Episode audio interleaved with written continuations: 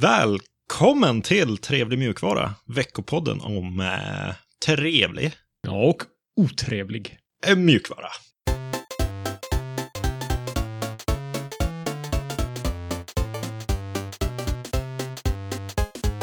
Mitt namn är Alexander. Med mig har jag som vanligt Seb på andra sidan. Det stämmer. Vad har du hittat på för otroligt spännande saker den här veckan?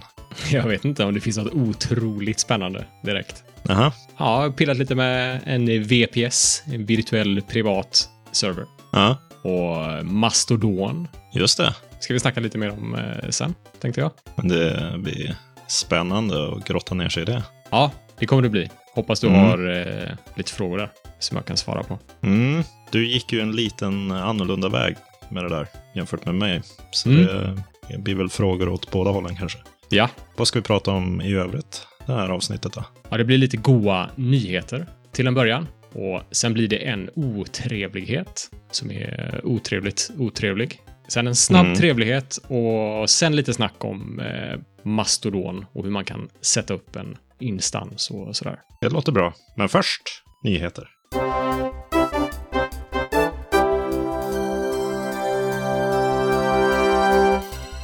Ubuntu 2010 har släppts. Edge är ute och Firefox 82 också.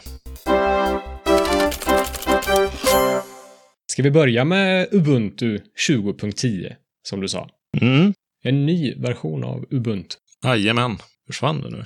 Det Nej. det. Nej, jag förstår att det lät som att jag försvann för att jag tappade sista u i Ubuntu. Ja, det är Ja. må- många U. Så man får ju slut på det om man inte har laddat om. Precis. Ja, de följer ju sin eh, cykel, release-cykel, eh, slaviskt. Mm. Så de eh, har ju släppt en ny version nu, 20.10. Och det är en version i månaden, eller? Nej, det är något nummer, punkt, ett annat nummer. Och det första numret är året, så 20 är ju 2020 då. Och eh, punkt 10, och det är den tionde månaden på året. Vad, vad var förra versionen? Hur ofta släpper de? De släpper en gång i halvåret, så det är alltid året punkt 04 och året punkt 10. Just det, förra var 20.04. Det stämmer. Sen är det en annan större cykel som berättar om det är en LTS, alltså att den har long term support eller inte. Det, Mm. Och det är ju jämna år, så varannat år som är jämnt. Mm. Förhoppningsvis kommer det en eh, long term support variant som eh, stöds i fem år. Och de kommer alltid på den här 04 på våren där i april. Okej, just det. Och det här är någon slags mellan eh, release, de här tiorna som dyker upp. Ja. Groovy Gorilla heter den, Mm, har jag läst. precis. Ja, de har ju något system de följer där med namnen. Det är bokstavsordning och så är det något djur i kombination med något, något annat. Så det är Groovy Gorilla och vad har de hetat? Ja, något på F borde det ju vara förra versionen då. Vad hette den? Focal Fossa hette förra versionen. Ah, känner jag igen. Just det. Och de har ju redan gått ett varv, eh, engelska alfabetet, så de har ju passerat Z och börjat på A igen och nu är de på G. Mm. Det är ju ett smart och fiffigt sätt ändå att göra det på, tycker jag. I den här versionen så eh, har de ju uppgraderat eh, kärnan till 5.8 och Gnome 3.38 i eh, huvuddistributionen som man använder på datorn. Mm. Och sen massa uppdateringar av paket som man kan förvänta sig så att de är lite mer eh, ja, uppdaterade. Just det. Precis. Och så det här äh, initiala stödet för Power 10-arkitekturen som inte har kommit ut än. Oj, som, eh, Den har jag inte ens riktigt... hört talas om. Nej, inte jag heller. Jag Var inte Risk varför de- 5, eller Risk V, som är... Det är ju det nya heta egentligen. Ja, men det här är nya nya, har inte hunnit bli hett än. Jag, jag vet inte vad Nej, okej. Power 10, eh, varför den alltid dyker upp i de här release notesen. Det är ju något som IBM gör tillsammans med någon som inte kommer förrän nästa år. Ah, okej. Då kommer vi nog höra mer om det senare då. Ja, vi får väl se. Känns ju lite sent att komma in med någon eh, egen arkitektur nu. Mm. Det är väl ARM och eh, X86, X64, vad heter de? Ja, ja, visst. Det, det är väl de gamla begoingarna som borde vara kvar. Ja, vad är det mer för coola nyheter i den här versionen då? Ja, först och främst är alla sådana flavors, smaker av Ubuntu, är uppdaterade också va? Ja, Kubuntu, Lubuntu och, och allt vad de heter. ja precis. Mm. Och när det kommer till den här uh, Ubuntu-server så var det en grej som stack ut för mig. Och det var ju att man har lagt till det här telegrafpaketet som gör det möjligt för en att skicka upp statistik till sina egna databaser, eller vad man ska kalla det. Så att om man har ett gäng Ubuntu-servrar som man vill eh, följa minnesanvändning och allt möjligt på så kan man installera det nu Mm.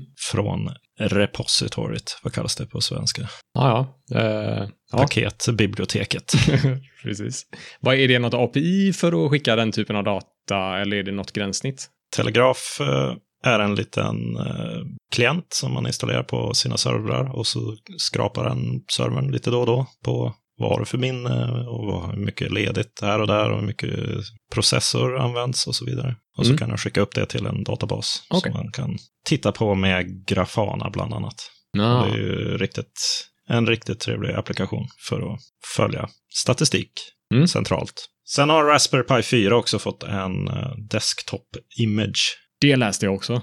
En officiell eh, variant från Ubuntu. Mm. Det är ju hur häftigt som helst. Men eh, det har funkat tidigare, som jag förstår det. För du har hintat om att du har kört Ubuntu på din Raspberry Pi. Ja, jag har ju testat att köra servervarianten så jag har inget grafiskt gränssnitt på det sättet. Jag har en terminal Mm, okej. och det har ju varit trevligare för mig. Jag är van vid Ubuntu-servrar så Mm.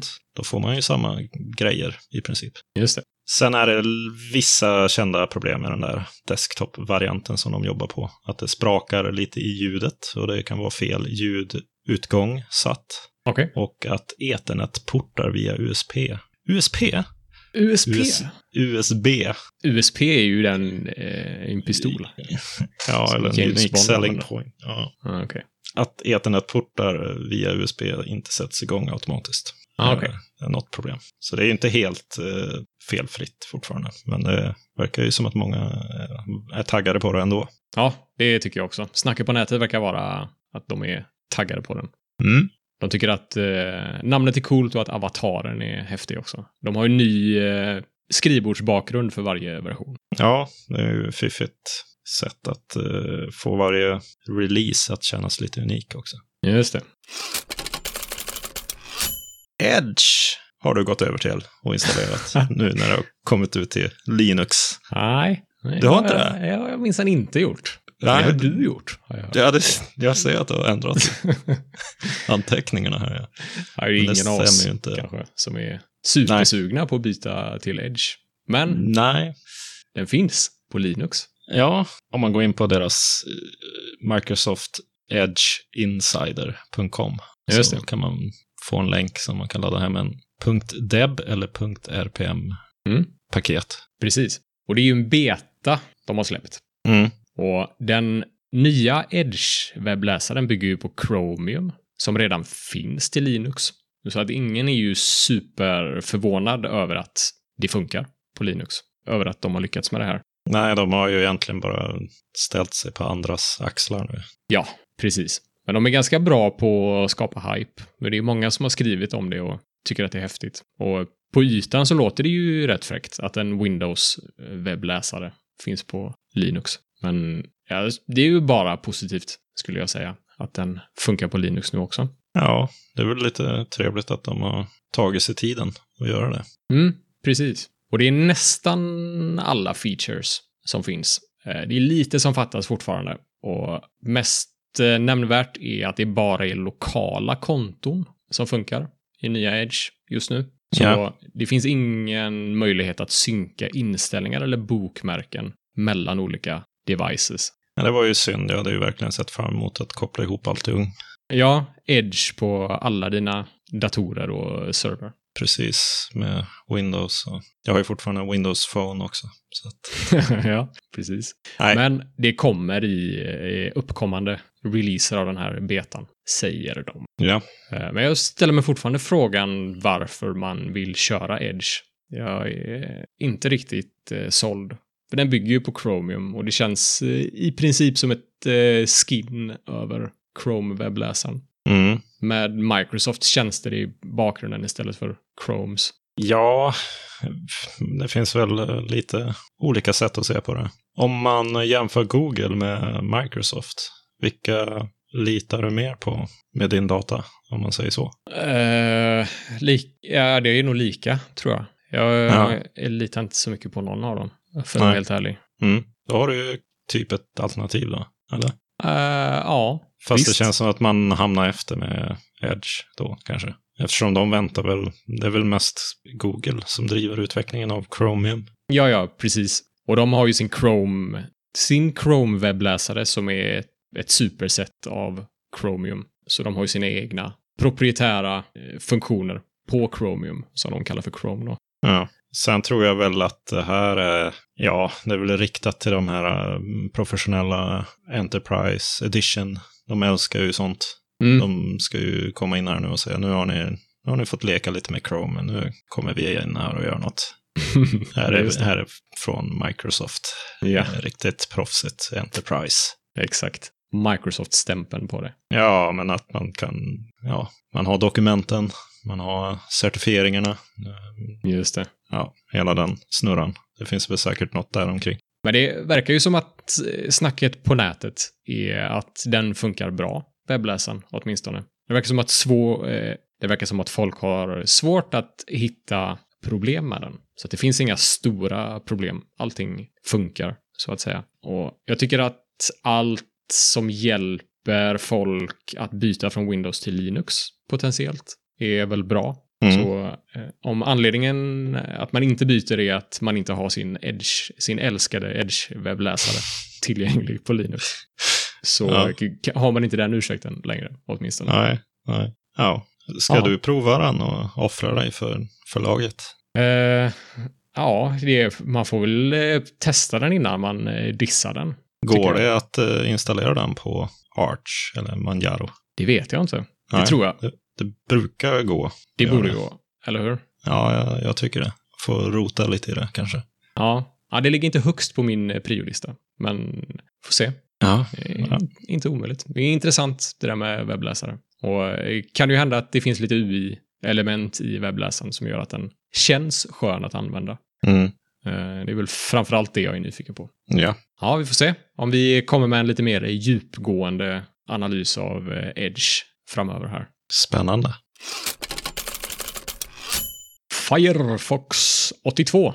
Det äh, låter ju som ett äh, nytt äh, versionsnummer det. Ja, precis. Ja, vi har varit duktiga på att följa Firefox här, så vi fortsätter med det. Ja, vi har ju varit lite besvikna kan man väl säga mm. på dem ett tag. Men ja. På grund av att, eh, på Firefox eller Mozilla tänker du? Ja, men det är väl lite både och. Ja. Fast eh, vi får ju, man håller ju fortfarande på det laget. Det gör man ju. Ja, det gör man. Finns inget annat lag att hålla på. De är ju inte perfekta, men det nu har du ju Edge. mycket bra med dem. ja, precis. Vad är det som är nytt i 82 då? Det är en excellent fråga.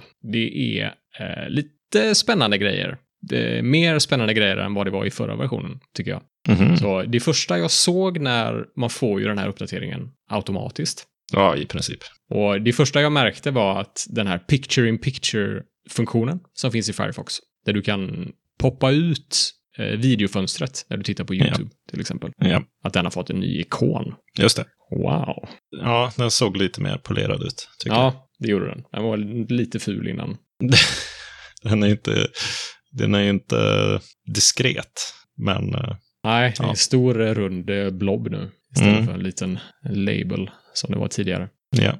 Eh, Förutom det så använder Windows-versionen av Firefox något som heter Direct Composition, som gör att videouppspelning belastar CPUn och GPUn mindre, vilket resulterar i bättre batteritid, såklart, Mhm. på laptops och den typen av devices. Okej. Så det är ju bra, bra Ja. Firefox. Mm. Sen så är den också snabbare än någonsin, som de själva skriver i sina release notes. Ja. Och eh, det är framförallt sidladdningar och uppstart av själva webbläsaren som har förbättrats. Och att återställa en session ska gå 17% snabbare, tydligen.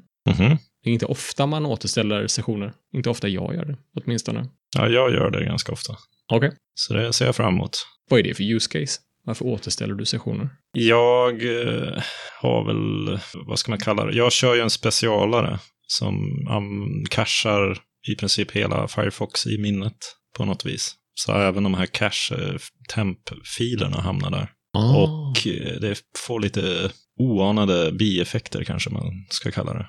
Okej. När man har haft datorn i sömnläge. Mm. Så när man slår på datorn igen så är allting ibland väldigt eh, konstigt. Och då får man stänga av Firefox och starta den igen. Ja, okej. Just det. Ja, du snackade om eh, det där cachnings, eh, den cachningsapplikationen Ja, för många jag- avsnitt sedan. Jag minns inte vad det heter, det programmet. Jag tror det var i någon i första säsongen nästan. Aha, okej. Så pass länge sedan. Ja. Förutom att återställa sessionen så ska det gå 10% snabbare att öppna ett nytt fönster i Firefox. Ja. Mm. Och sidor med flexbox layout ska gå 20% snabbare att ladda, skriver de i sina release Jaha, okej. Och det är, ja, det är någonting som är skumt med den formuleringen, tycker jag. Ja. Det är i princip alla webbsidor som jag gör, åtminstone, använder flexbox layout på åtminstone en del av sidan. Ja. Och vadå, bara för att man använder flexbox layout någonstans på sidan så ska det gå snabb, 20% snabbare att ladda den? Nej. ja, men det kan väl varit, eh, det kan väl ha varit så att det var dyrt innan. Eller Ja. Att den var lite trög på de beräkningarna. Ja, precis. Så det finns ju en, en paint-del när den målar upp en eh, layout i renderingen av en webbsida. Så jag skulle tro att det är den som går 20% snabbare för de Mm. elementen som har en flexbox layout. Ja. Så det är inte det att sidan laddar 20% snabbare, utan det är att just den här lilla, lilla delen av sidladdningen eller renderingen blir 20% snabbare. Formuleringen är jättedum av dem där, Okej. Ja. jag. Det är ju en del av eh, pipelinen för rendering som har blivit lite snabbare. Jo, precis, men den, den, just den delen, säg att den är 10% av den totala tiden som det tar att ladda en sida. Ja. Jag vet inte ens om den är så mycket. Eh, Jag skulle tro att det är ännu mindre. Okej. 20% snabbare på 10% blir inte många procent man faktiskt tjänar i slutändan. ja. Men eh, ja, äh, men det är bra. Snabbare är alltid bättre. Så jag ska inte eh, klaga. Det är en ganska eh, bra förbättring ändå. En annan eh, lite intressant grej var att Pocket, som är ja, en sidotjänst som Mozilla tillhandahåller för att kunna spara webbsidor och Ja. tagga dem. Vi har snackat om det lite tidigare. Mm. När man sparar en sajt med Pocket så ger den förslag på liknande sajter nu. Och det känns lite eh, halvdåligt, måste jag säga. Okej. Tyvärr. Ja, det var ju tråkigt. Så man får en liten pop-up när jag klickar på den här Pocket-knappen, spara webbsidan, där jag får lägga till taggar och då får jag också tre förslag på andra sajter nu då, som liknar den här sajten jag försöker spara. Mm. Så det är Pocket eller Mozilla som försöker lista ut eh, andra saker, relaterade nyheter, relaterade sajter helt enkelt, som den tror att jag är intresserad av. Och när jag försöker spara länken, jag testar med den här release notes-sidan från Mozilla, sparar den länken och då får jag tre stycken förslag. Ja. Det första förslaget är från Chrome 85, en Aha. nyhetsartikel om Chrome 85. Det andra förslaget är en nyhetsartikel om Firefox 59. Ja, men det är ju nya, det var ju också release, eh, versionsanteckningar, eller? Ja, det, det var det. Ja, 2014, eller när Firefox 59 nu kom ut. men du kanske var, du, de kanske tror att du vill läsa massa versionsanteckningar då? Ja, möjligt. Eh, otroligt eh, dåliga förslag. Det tredje förslaget är en release note från Firefox 80 Ja, eller en Android-app. Det verkar som att den eh, switchar där. Men Ja, någon, okej. någon random Android-app för att öppna tabbar i Chrome. Jag vet inte. Jät- jättekonstiga förslag får jag. Ja, men du kanske ska prova den med lite mera vettiga sidor som du faktiskt använder den där till. Ja, kanske. Nu använder jag ju den till release notesen. Ja, okej. Ja. Det är ju så jag använder Pocket, Ja. bland annat. Men det kan hända att förslagen är bättre på andra sidor. Jag har inte djupdykt jättemycket i det. Nej. Men eh, det känns som att det är en, en yta i Pocket för att visa sponsrade länkar. Det var den feelingen jag fick i alla fall. Även Jaha. om de inte är sponsrade, tror jag. Okej. Ja, det får vi hålla lite utkik efter. Mm, Mm. det får vi. En annan sak jag tyckte var intressant med Firefox 82 var att Media Session API nu är aktiverat som standard i Firefox. Så den har varit dold bakom en flagga tidigare. Okej. Och då kanske du undrar, vad är Media Sessions API? Ehm, Ja, det har med den här CSS-reglerna att göra. Nej, jag tänker på Media Queries då. Ja, jag Nej. blandar ihop det då. Ja, det här är en, ett API för att visa metainformation om media som spelas på din device. Mhm. Och eh, den tillhandahåller också lite kontroller för att ja, pausa, eh, spela, spola fram, eh, byta låt, den typen av Ja, just det. saker. Mm. Eh, Så det finns två, två delar i den. Eh, Det ena är media metadata och det andra är media session. Just det. Och media metadata är liksom artist, namn, album eh, och artwork. Och du vet ju när du spelar någonting i din mobil så får du en liten notifikation där du kan eh, play, pause, eh, next song och så vidare. Ja, Och det finns ju stöd för det i native appar oftast. Så Spotify till exempel kan du kontrollera från din låsskärm mm. till exempel, eller från ditt notifikationscenter. okej. Och nu kan man också göra det med webbappar, helt enkelt. Ja, okej. Eller det har man kunnat också, men nu är det aktiverat som default i Firefox, Aha. det stödet. Så det är lite häftigt. Vi skulle kunna lägga in den funktionen på trevligmjukvara.se och när man spelar ett avsnitt där så får man upp en sån liten snygg notifikation Jaha. Du kan- Ja. kontrollera. Det där är ju något som jag redan har i, Mm. i Plasma i alla fall. Det finns ju en, ett tillägg man kan installera i webbläsaren som pratar med Plasma. Så Mm. att man kan pausa och video och ljud som kommer från webbläsaren. Ja, just det. och, så får man albumart, eller albumbilden och andra sådana saker. Ja, ah, precis. Det är säkert det här API de använder. Ja, Det okej. skulle jag verkligen tro. Ja, var det något mer? Nej, inget mer spännande. jo, det finns massa andra saker. Man kan läsa release notesen här. I avsnittsbeskrivningen finns det en länk. Men det var det jag tyckte var mest spännande i Firefox 82. Ja, ska vi ge oss in på den eh, första otrevligheten den här säsongen kanske? Ja, det får vi göra. Ta tjuren vid hornen. GitHub. GitHub. GitHub. YouTube DL, har du hört talas om det? Eh, Jag har ju läst eh, nyheterna. Så, men eh, tidigare var jag inte särskilt eh, bekant med YouTube DL. Ja, jag har ju använt det.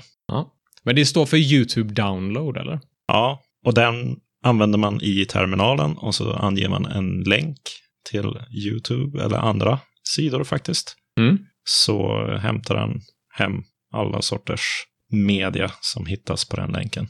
Ah, Okej. Så man kan använda den för att ladda hem guider och tutorials och sånt som man får ladda hem som har CC-attributet, höll jag på att säga. Vad heter det? Det finns ju vissa som har licenser satta på sina, På videos på YouTube. ja, ja, som man får eh, kopiera och ladda hem. Mm. Och då är det okej okej att använda det här verktyget. Men det var, eh, går det inte att använda om inte den licensen är korrekt? Den går att använda till allt, Ja. kan jag säga. Jag misstänkte det. Ja. Och går man in på det här, vad kallar man repository? Git-repository på svenska. En repositorie. Ett repositoriet på, på GitHub här för YouTube-del så står det ju att eh, det här eh, repositoriet är eh, otillgängligt nu på grund av en DMCA takedown. Ah. Så i, i fredags så eh, fick de här RIAA som står för Det nej, det eh, kan jag inte. Men eh, det är en förkortning jag bara hör i negativa sammanhang. Ja, The Recording Industry Association of America. Ah. Så det är väl eh, kompisgänget som alla Warner Music, so Sony Music, Universal Music går ihop under. Och Ja, går till attack runt om i världen. okej. Så de har ju skickat in en sån DMCA request och de har ju fått igenom det på det här Git eh, på GitHub. Just det. Den direktöversättningen är förvar, ser jag nu. Eller förvaringsplats. Okej, Så Git-förvaringsplatsen är nedstängd. ja, precis. Ja, så det är alltså en tredjepart eh, som har utvecklat det här, YouTube-del. Det är inte Google.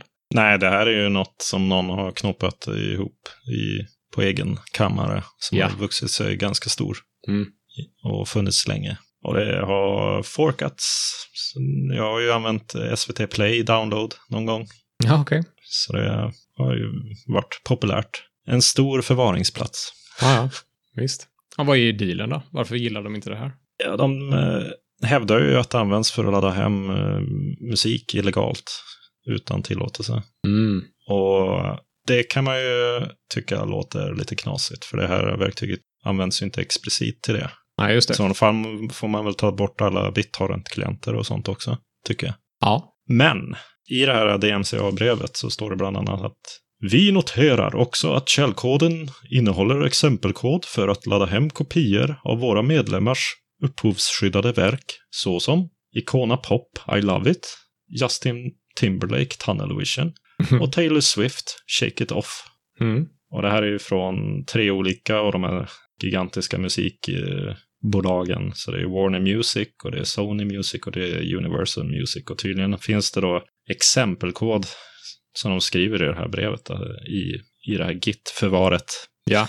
Git-repositoriet. Jag vet inte om jag accepterar det med förvar. Nej, jag tycker också det är en helt knasig översättning. Men, ja. Ja, har man exempel i koden på hur man laddar hem sådana här upphovsskyddade verk med länkar och allting, då Mm. är det väl snacket på nätet är väl att det var ju korkat att ha det där. Ja. Och det underlättar ju inte för att försvara sig mot det här heller. Men det borde fortfarande inte vara tillräckligt för att ta ner kontot. Jag har skummat igenom den här nyheten lite. Den har hittat mig också. Och jag fick för mig att de här tre exemplen användes som i tester för YouTube-del. Så Aha. ibland så kör man lite tester mot sitt eh, program för att se att allting funkar som det ska. Ja, Och då testar man med tre videos och tydligen så laddar man ner några kilobyte av de här videosarna bara för att se att nedladdningen funkar och sen avslutar man anslutningen. Så det är inte, Ja. ens, det är inte ens hela låten som laddas ner utan det är bara några sekunder. Så det så som jag fattar det så var det från ett automatiskt test som körs. det som många tycker är lite synd är ju att de inte har fått en chans att rätta till det. Mm. På GitLab var det någon som nämnde att man fick fem dagar på sig eller någonting att ta bort det som stred mot sådana här saker. Mm, Okej. Som policy på GitLab då? Ja, det var någon som hade laddat upp någonting som han fick DMC och, Mm. och då, kunde han rätta till det så försvann inte för, förvaret av Nej, just det. Just det, just det. Vad så den YouTube-del är helt eh, borta nu då? Ja, det ligger väl lite i luften. Jag kan inte tänka mig att den eh, koden inte kommer att leva vidare på något sätt. Och bland annat kan man ju fortfarande ladda hem den från PIP, som är något Python-paketsystem, ungefär som NPM är för Node och sånt. Just det. Det är ju en väldigt het nyhet, så det får man ju följa och se hur det går, vad som händer. Ja, det här eh, knyter an lite till kritiken som GitHub har fått. GitHub har växt sig jättestort. Mm. Och med Microsoft bakom spakarna nu så känns det, jag har fått känslan av att folk är lite kritiska mot GitHub just nu. Bara för att de är störst i gamet och de kanske inte sköter allting supersnyggt. Och det här var ju kanske inte supersnyggt skött av dem. Det, jag får känslan av att de är lite rädda för att ja, få smäll på fingrarna av eh, Warner Music. Eller ja, vad alla de där tre nu hette. Det är ju lite nackdelen med att ha en massa stora bolag som styr över stora delar. Då blir det Mm. mycket bakom lyckta dörrar och politik och sådär. Ja, precis. Inga frågor, bara stänga ner Ja. re- repositoryt. EFF på Mastodon av alla ställen skrev ju att eh, YouTube DL är ett legitimt verktyg med en värld av lagliga användningsområden. Att eh, kräva att eh, det tas bort från GitHub är ett nedslående och kontraproduktivt drag av RIAA. Mm. Så det, det har ju rört om i grytan i alla fall. Ja, ja det har du. Det var ingen vidare bra hantering från, från GitHub. Tycker Nej. jag inte alls. Just Nej. det. Ska vi ta och gå över till lite trevligare marker? Kanske? Ja, ja, Ja. Vi ska fortsätta eh, snacka om Git. Ska vi? Ja. Om eh, förvaringsutrymmen i Git. Ja, precis. Om man inte är nöjd med sitt förvaringsutrymme på Git, GitHub så Ja. eh, finns det alternativ. Wow.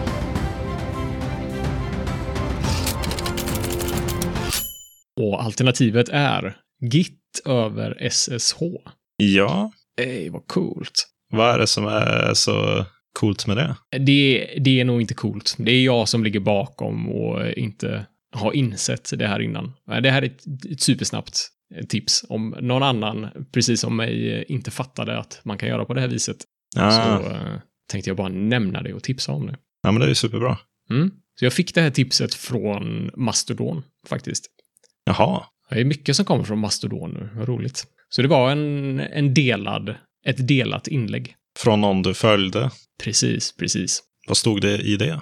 Det är en användare som heter Yuki som snackade om att det finns alternativ till eh, GitHub. Och om man fortfarande använder GitHub som sin huvudsakliga ställe att förvara sin eh, källkod på så eh, borde man tänka om.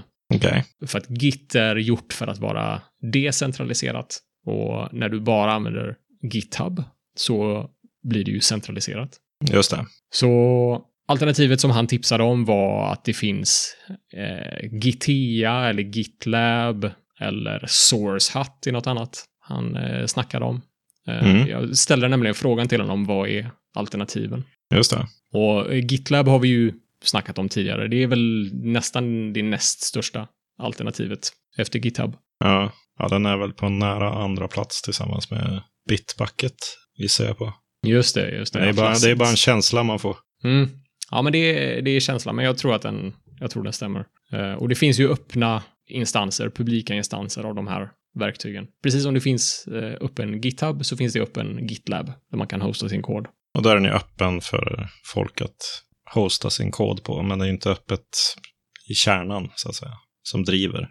Ah, inte öppen, eh, inte öppen källkod. Nej, Är det inte det? Är inte GitLab öppen källkod? Git, GitLab är det. Ja, Kärnan i GitLab är det, men Ja. inte GitHub.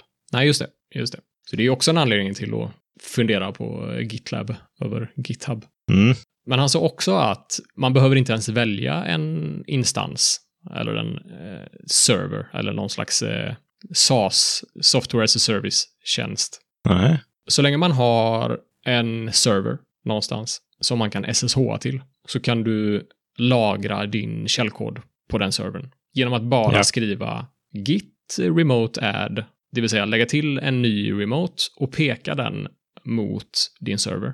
Mm. Så du kan peka den eh, till en mapp på din server och sen kan du bara pusha remoten och så kommer all källkod pushas upp till mappen på din server istället för till GitHubs server. Ah, okej. Jag trodde att det här var ett tips på det här med att man ska använda Git med SSH istället för HTTPS. Mm. För eh, autentisering. Ja, precis. Ja, men det kan man göra också, såklart. Just det. Mm. Men det här är, ja, det, jag tyckte att det var lite häftigt, för jag har aldrig, jag har aldrig tänkt på det på det sättet. Jag har alltid tänkt att det behövs någon slags eh, tjänst i bakgrunden som tar hand om eh, koden. Eh, Mm. Men det är ju självklart när jag tänker mer än två sekunder på det att eh, det behövs ju inte. Nej. Utan eh, du pushar ju bara filer någonstans. Ja. Så du skulle ju kunna ha en lagring i molnet till exempel, som du pushar din kod till. Ja. Eh, nackdelen är ju att du inte får något, något grafiskt gränssnitt på det. Så det är ju det GitHub och GitLab till exempel. Det är, Ja. ju, det är ju featuren. Det är ju det de gör. Ett grafiskt gränssnitt över din kod. Mm. Som gör att man kan skapa issues och pull requests och eh, ja, massa, massa visuellt. Just det. Så ja, att eh, använda sin egen server, bara en disk i molnet för att pusha upp sin kod till. Då har man slått sig fri från GitHub och slipper oroa sig över det där. Mm. Dels så går det att ha fler remotes, så att du pushar upp din kod till flera ställen. Mm. Du pushar upp den till din egna server i molnet. Och du pushar upp den till GitHub och till GitLab om du vill. Ja. Och sen finns det även någonting som heter Git Mirrors, speglar med andra ord, som gör att den automatiskt kan hämta hem uppdateringar till ett eh, repository så att allting alltid är i synk. Så du kan ha din kod på automatiskt på flera ställen utan att behöva tänka på det mycket mer. Är det någonting man installerar någonstans då? Eller? Nej, Det är en Git-feature som jag förstår det. Jag har, jag har inte, jag har inte experimenterat någonting med Git mirroring. Nej. Men eh, det finns features för att automatiskt eh, med något slags cron-jobb automatiskt hämta ner det senaste med något visst intervall. Ja. Och det är tydligen populärt för väldigt stora, populära repon att ha sådana här eh, speglar. Då. Ja. Så att det ska finnas. Så att det inte är en point of failure, för att eh, låna ett engelskt uttryck återigen. Utan att eh, den finns på flera ställen. Just det. Ja, bra tips, bra tips. Ja, precis. GitHub är inte 100% nödvändigt om man känner att man vill röra sig bort från det där. Nej, det är tyvärr är det ju många som blandar ihop Git och GitHub. Ja, och jag, jag har ju uppenbarligen gjort det också. Till, till viss mån. Jag vet ju att det absolut inte är samma sak, men Toppen.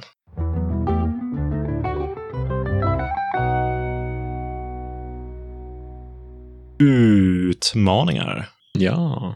Jag har inte så mycket nytt att säga den här gången. Nej. Men eh, du har ju verkligen varit i farten. ja, nu får du inte överhypa det. här. Du har ju gjort så många saker så att det är svårt att hinna trycka in allting här. Men, det, jag har eh, gjort en, en sak. Har jag gjort. Vad har du gjort då? Jag har eh, länge velat gå med i Mastodon. Just det. Det nya, coola, decentraliserade, federerade sociala nätverket. Framtidens eh, Twitter och så vidare. Just det. Mm. Exakt, exakt. Och vi har ju ett konto där eh, för trevlig mjukvara på Ja. en instans som heter Linux kompis. Och jag har ett konto på Mastodon online. Som Just en det. annan instans. Och då, om man lyssnade på avsnittet förra veckan så hörde man att jag satt och funderade på vilken instans ska man välja? Och du valde ju något eget va? Ja, den bästa instansen för mig. Ja, Min egen, min egen instans. Du är din egen eh, härskare på den där instansen. Ja, Härligt. precis. Så jag eh, utforskade lite hur man kan göra det här. Och det är ju en applikation man kör på en server som är exponerad mot webben. Och antingen så kan man köpa den här servicen från masto.host, det är ett exempel. Mm. Och då kan man låta någon annan sätta upp det här på en server.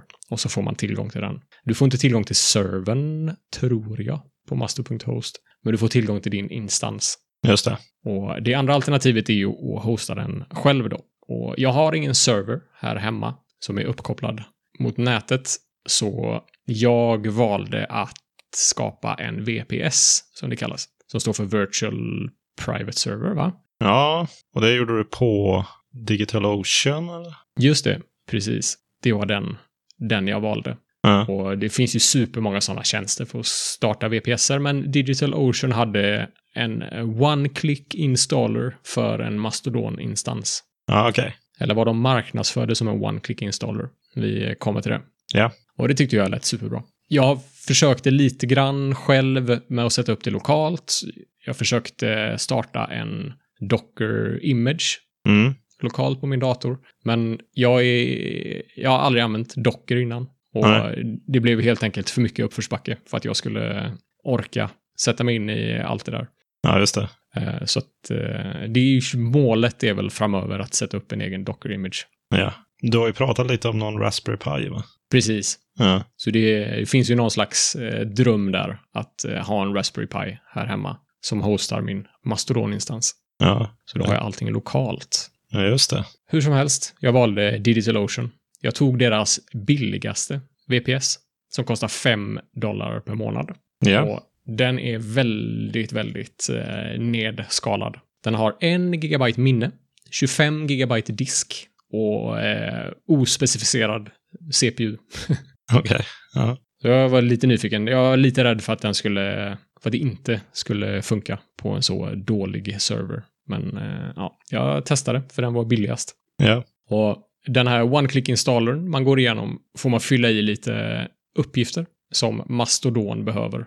Just det. Allt, hela processen var väldigt smidig. Man går igenom en liten eh, wizard där du får fylla i vad ditt domännamn är till din Mastodon-instans. Och man fick fylla i vad man ville ha för mail-host. Så att Mastodon måste kunna skicka mail för att du ska kunna registrera dig på en instans. Så Mm. måste den skicka ett bekräftelsemail och du ska kunna återställa ditt lösenord och så vidare.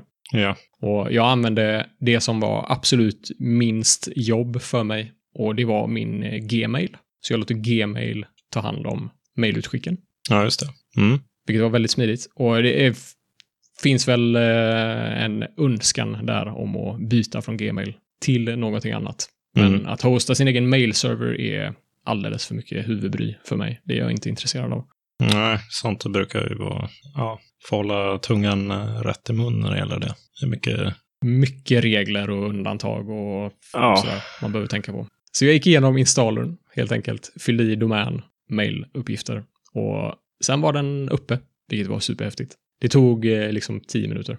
Mm. Och då kommer jag in på social.charlotte.dev och så får jag sätta upp mitt eh, adminkonto, göra de inställningarna jag vill göra och sen är det bara att börja följa personer.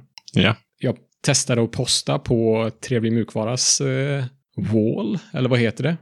På Ja, Mastodon. Ja, till Trevlig Mjukvara, helt enkelt. just det. Ett eh, testmeddelande och det verkade ju funka. Och det var ju också flera personer som plockade upp det här och svarade på mitt meddelande. Ja. Vilket jag tyckte var roligt. Det var ju bara menat som ett test. Men det var ju folk som sa hallå. ja, kul. Så då, så fort de har interagerat med mig, med min meddelande tråd där, så är de infedererade i mitt nätverk. Ja, det är ju fräckt. Ja, det är superhäftigt. Det är inte svårare än så. Jag måste inte följa dem för att få deras eh, poster, utan eh, det finns ju ett, eh, en tab där inne i Mastodon som heter Federated, som är alla poster från mitt federerade nätverk, det vill säga alla som jag någonsin har haft kontakt med.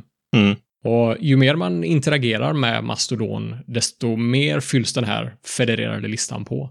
Aha. Så om jag likar någonting som någon annan har postat och fler folk svarar i den tråden så blir de också federerade in i min instans då. Ja, just det. Ja, och sen har jag explicit följt lite folk som jag tycker är extra spännande eller trevliga. Eh, Men jag har medvetet hållit det väldigt eh, litet, så att jag har inte gått på någon eh, crazy follow spree och börjat följa hundratals personer. Nej. Utan jag vill ta det lite lugnt och se vad dras in i mitt nätverk, hur funkar det här egentligen? Ja, Och jag är förvånad över hur mycket som har dragits in i mitt nätverk. Med tanke Ja. på hur lite jag ändå har postat och använt Mastodon. Sen finns det ju också, du kan federera med en hel instans om du vill. Så att jag skulle potentiellt kunna federera med Linux kompis till exempel. Mhm. Som är den instansen som Trevlig mjukvara ligger på. Och få alla deras poster på min tidslinje. Okej, och det gör man som någon slags administratör för sin egen instans. Exakt, exakt. Ja. Eh, Men jag har valt att inte göra det, för jag vill inte bli överröst med saker nu, till en början åtminstone. Nej. Och jag tror också att det krävs ett godkännande från Linux-kompis för att jag ska kunna federera med dem. Ja, jag vet inte om någon skulle godkänna dig. Nej, det vet jag inte heller. Det... Vi får se. Vi får se. Ja. Ja, Men det har varit eh, jättespännande att utforska och jag har fått lite bra tips. Det Git-tipset som vi precis snackade om ja. kom därifrån. Och, ja kul. Kul att du har kommit in där. mm, det tycker jag med. Ska fortsätta använda det och eh, ja, rapportera tillbaks hur eh, det känns här framöver tror jag. Mm. Ska hålla utkik. Det var all trevlig Och otrevlig. mjukvara vi hade för denna veckan. Hör gärna av er på kontakt trevligmjukvara.se. Nej, det kanske man inte gör. Eller Mastodon. Eller vad har vi mer för nätverk? Twitter, Telegram, GitHub. Du och jag har ju egna konton nu på Mastodon. Yeah. Ja, var det något mer vi ville säga denna veckan? Nej, vi är klara. Ja, då hörs vi nästa vecka va? Ja, det gör vi. Trevlig mjukvara på er! Trevlig lek bara.